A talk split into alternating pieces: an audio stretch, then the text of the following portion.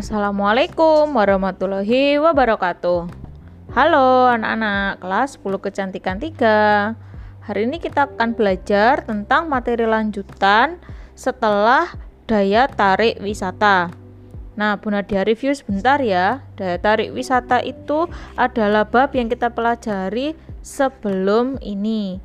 Daya tarik wisata itu adalah sesuatu hal yang membuat kita itu kepengen untuk mengunjungi lokasi wisata tersebut. Jadi, kalau kita mau pergi ke satu tempat itu pasti ada alasannya. Kenapa sih kok kita kepengen atau kita harus mengunjungi wisata itu atau tempat itu? Emangnya ada apa? Nah, pasti ada sesuatu yang berbeda dari lingkungan kita yang biasanya. Nah, daya tarik wisata ini sendiri e, memiliki beberapa syarat yang bisa Anda baca di LKS atau di buku paket. Nah, secara umum daya tarik wisata itu memiliki beberapa jenis ya. Yang pertama itu adalah daya tarik wisata alam. Berarti ciptaannya Tuhan, tidak ada campur tangannya manusia.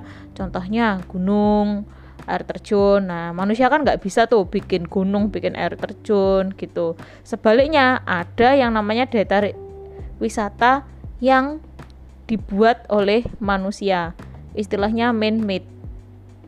Misalnya nih, kayak museum, wisata agro, taman rekreasi, dan lain-lain. Itu kan buatan manusia. Mungkin di Surabaya itu nggak ada yang namanya wisata agro. Makanya kita perlu pergi ke daerah Batu kalau kita kepengen tahu apa toh yang dimaksud dengan wisata agro itu gitu kemudian ada yang namanya daya tarik wisata minat khusus jadi nggak semua orang itu suka dengan wisata ini. Tapi ada juga beberapa orang yang emang suka. Kayak misalnya tuh berburu mendaki gunung terus ya sejenis itulah yang unik deh yang beda. Gitu. Ya ini pelajaran kita yang sebelumnya. Ada juga oh ini daya tarik wisata budaya biasanya tarik wisata budaya ini masih lestari di Indonesia di wilayah yang khususnya masih menggunakan uh, sistem ada kerajaannya. Kayak misalnya itu di daerah istimewa Jogja ada keraton Solo dan tempat-tempat lain yang masih memiliki kerajaan. Itu biasanya uh, budayanya masih kental dan uh, menarik untuk dikunjungi wisatawan. Gitu. Misalnya kayak ada upacara keagamaan upacara adat kemudian ada sejarahnya ada peninggalan candi-candinya. Nah itu kan cantik tuh e, menarik untuk dikunjungi karena di Surabaya itu nggak ada. Jadi mungkin kita sebagai orang Surabaya kepengen melihat sesuatu yang tidak ada di Surabaya. Ya selanjutnya ada juga daya tarik wisata itu yang e, karena alam uh, iklimnya secara geografisnya bukan karena yang ada di bumi tapi yang ada di udara juga. Iklim nih Surabaya itu kan panas ya rek. Mungkin kita sebagai orang Surabaya itu kepengen melihat salju sambil bawa sirup marjan. Sangu mangkok dari rumah ngambil salju dikasih sirup marjan. Saya pernah lihat ada YouTube-nya itu yang bahas tentang nyobain air uh, nyobain es salju pakai sirup marjan. Nah, itu kan salah satu daya tarik wisata juga nih. Karena di Surabaya nggak ada salju, mungkin kalau kita uangnya lebih-lebih gitu nggak ada salahnya juga jalan-jalan ke luar negeri yang ada saljunya ini yang, yang dinamakan daya tarik wisata karena iklim seperti itu ya oke kita masuk ke materi yang selanjutnya tentang dokumen perjalanan. Jadi sebelum, selama dan sesudah kita melakukan perjalanan itu biasanya membutuhkan yang namanya dokumen. Dokumen itu apa sih? Dokumen itu adalah berkas administrasi atau kertas-kertas atau persyaratan-persyaratan yang harus disiapkan sebelum kita berangkat berwisata atau pergi ke suatu tempat karena nanti di sana akan ditanyakan dan sampai pulang itu harus disimpan sampai nanti kembali ke tempat asal baru itu tidak berguna lagi. Contohnya apa? Kita kalau mau pergi nih ke Jakarta misalnya, kita naik pesawat biar cepet. Karena kalau pakai kereta lama ya. Nah, kita butuh yang namanya tiket karena masuk ke bandara itu pasti kita ditanyain Selamat pagi, silahkan tiketnya gitu. Permisi, boleh saya lihat tiketnya gitu misalnya yo ditelo. Oh iya betul.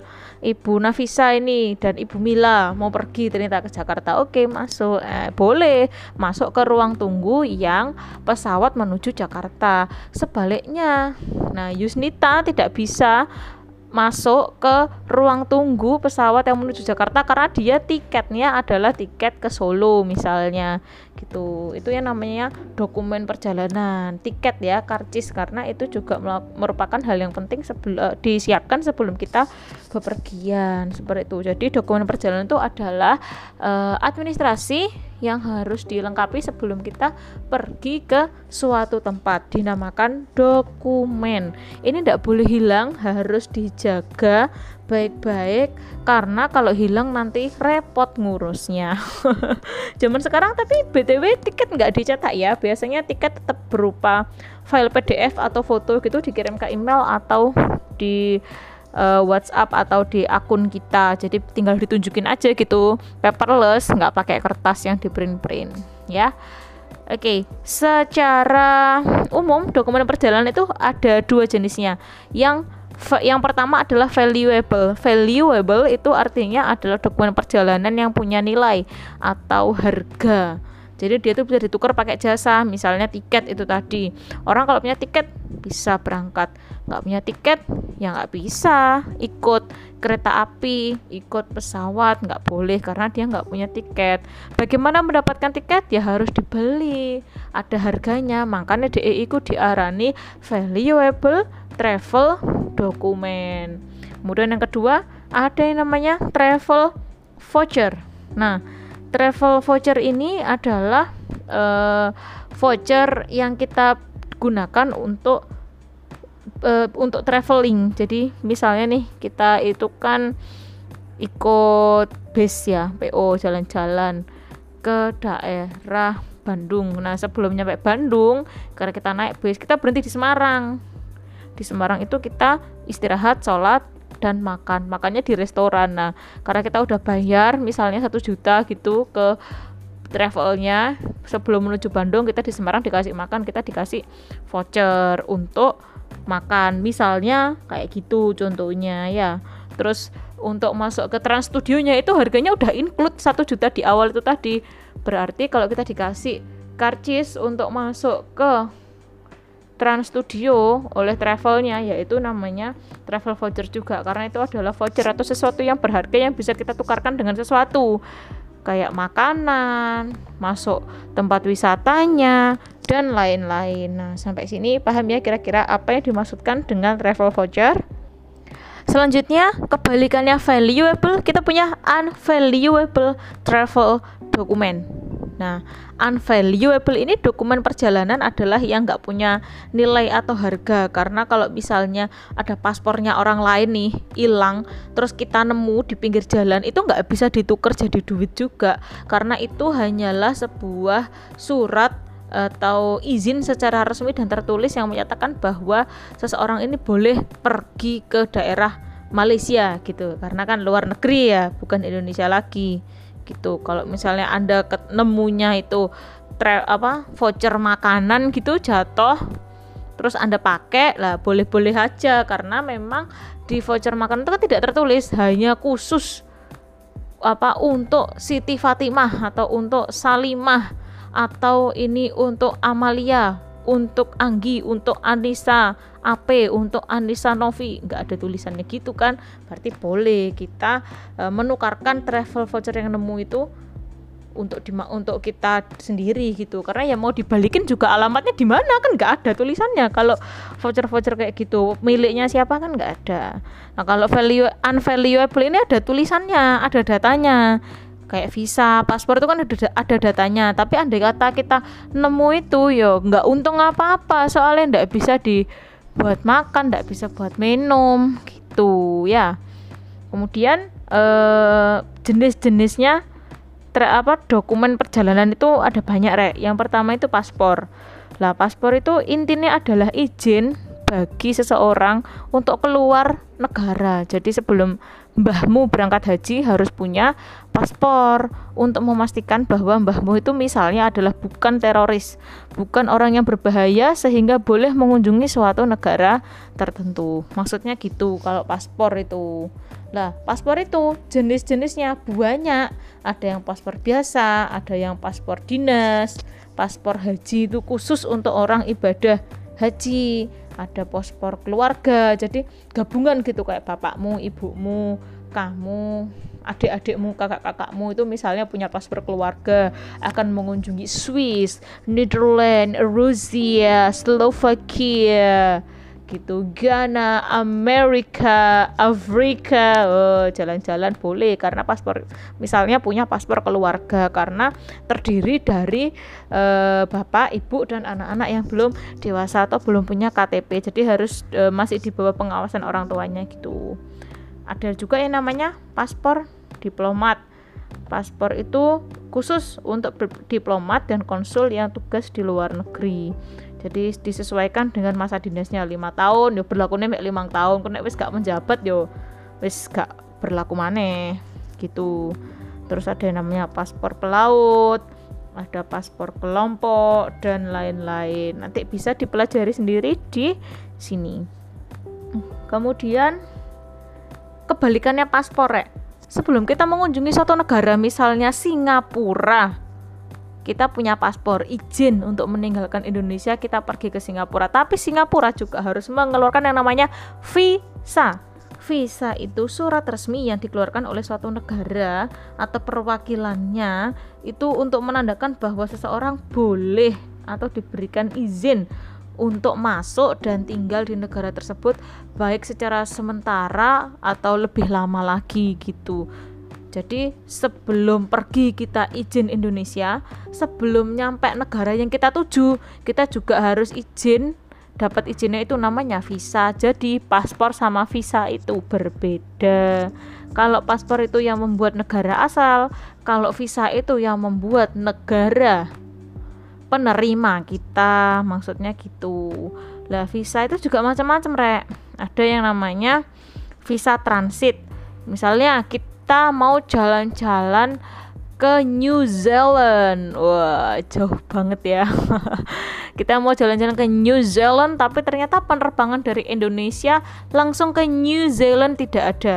Kita harus transit dulu. Misalnya transitnya di Mesir jadi harus turun di Mesir, nunggu hari berikutnya baru dari Mesir lanjut ke New Zealand itu tadi. Harus ada visanya, visa transit karena mengizinkan kita sebagai rombongan 10 kecantikan tiga jalan-jalan ke New Zealand. Nah, aku dularen Mesir sih soalnya pesawatnya gak ono lanjut kudu transit istilahnya nanti lanjut lagi perjalanannya dari Mesir ke New Zealand. Nah kira-kira itu maksudnya ngene rek.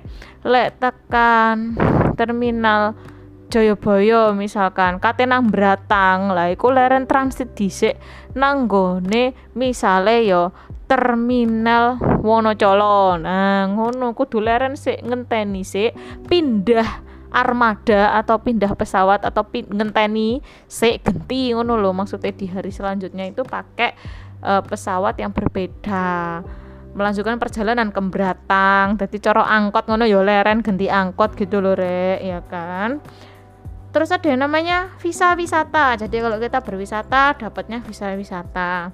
Ada yang namanya visa kerja ya karena emang orangnya untuk kerja visa pelajar ya ancene sekolah atau kuliah visa kunjungan usaha lah berarti ada orang yang melakukan pekerjaan usaha di bidang perdagangan di sana dan lain-lain. Nanti banyak sekali jenis-jenis visa yang bisa Anda pelajari baik dari buku paket maupun dari buku LKS. Selanjutnya yang paling unik ada yang namanya VOA, Visa on Arrival. Visa on Arrival ini adalah visa yang e, bisa diurus ketika baru datang di negara itu. Jadinya kita tidak perlu mempersiapkan visanya sebelum kita nyampe. Bisa diurus dengan mudah di bandaranya itu. Maksudnya gitu ya. Oke, e, setelah paspor dan visa, kita punya yang namanya fiskal Nah, fiskal ini adalah surat keterangan membayar pajak bagi orang yang pergi ke luar negeri. Karena orang kalau udah pergi ke luar negeri berarti orang yang kaya atau yang mampu sehingga ditariklah pajak oleh negara Indonesia bagi orang-orang yang akan pergi ke luar negeri. Nanti secara lebih jelasnya bisa Anda baca. Ada juga health certificate atau sertifikat kesehatan. Nah, ini nih yang lagi hits banget di era 2020-2021 karena sekarang lagi musim pandemi untuk mencegah penyebaran virus corona maka kita diwajibkan untuk membawa health certificate atau surat keterangan kesehatan kita kalau misalnya mau pergi naik kereta api atau naik pesawat yang jaraknya agak jauh dan tidak membawa nggak bawa mobil pribadi itu zaman sekarang harus bawa health certificate atau sertifikat kesehatan atau surat keterangan kesehatan yang menyatakan bahwa kita ini sehat, nggak sakit, layak bepergian, boleh ke mana aja dan yang pasti negatif dari virus corona dan juga non reaktif.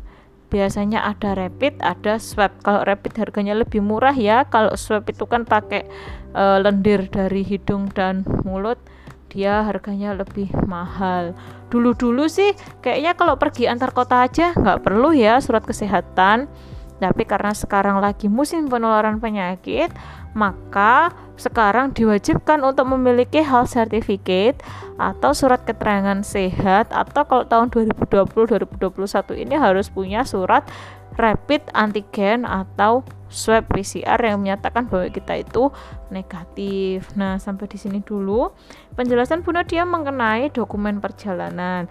Silahkan Anda absen dengan cara ketik nama garis miring nomor absen garis miring contoh. Contohnya harus dibikin cerita. Nah, seperti apa ceritanya? Contohnya kayak gini. Harus ada namanya. Contoh nih, misalnya gini.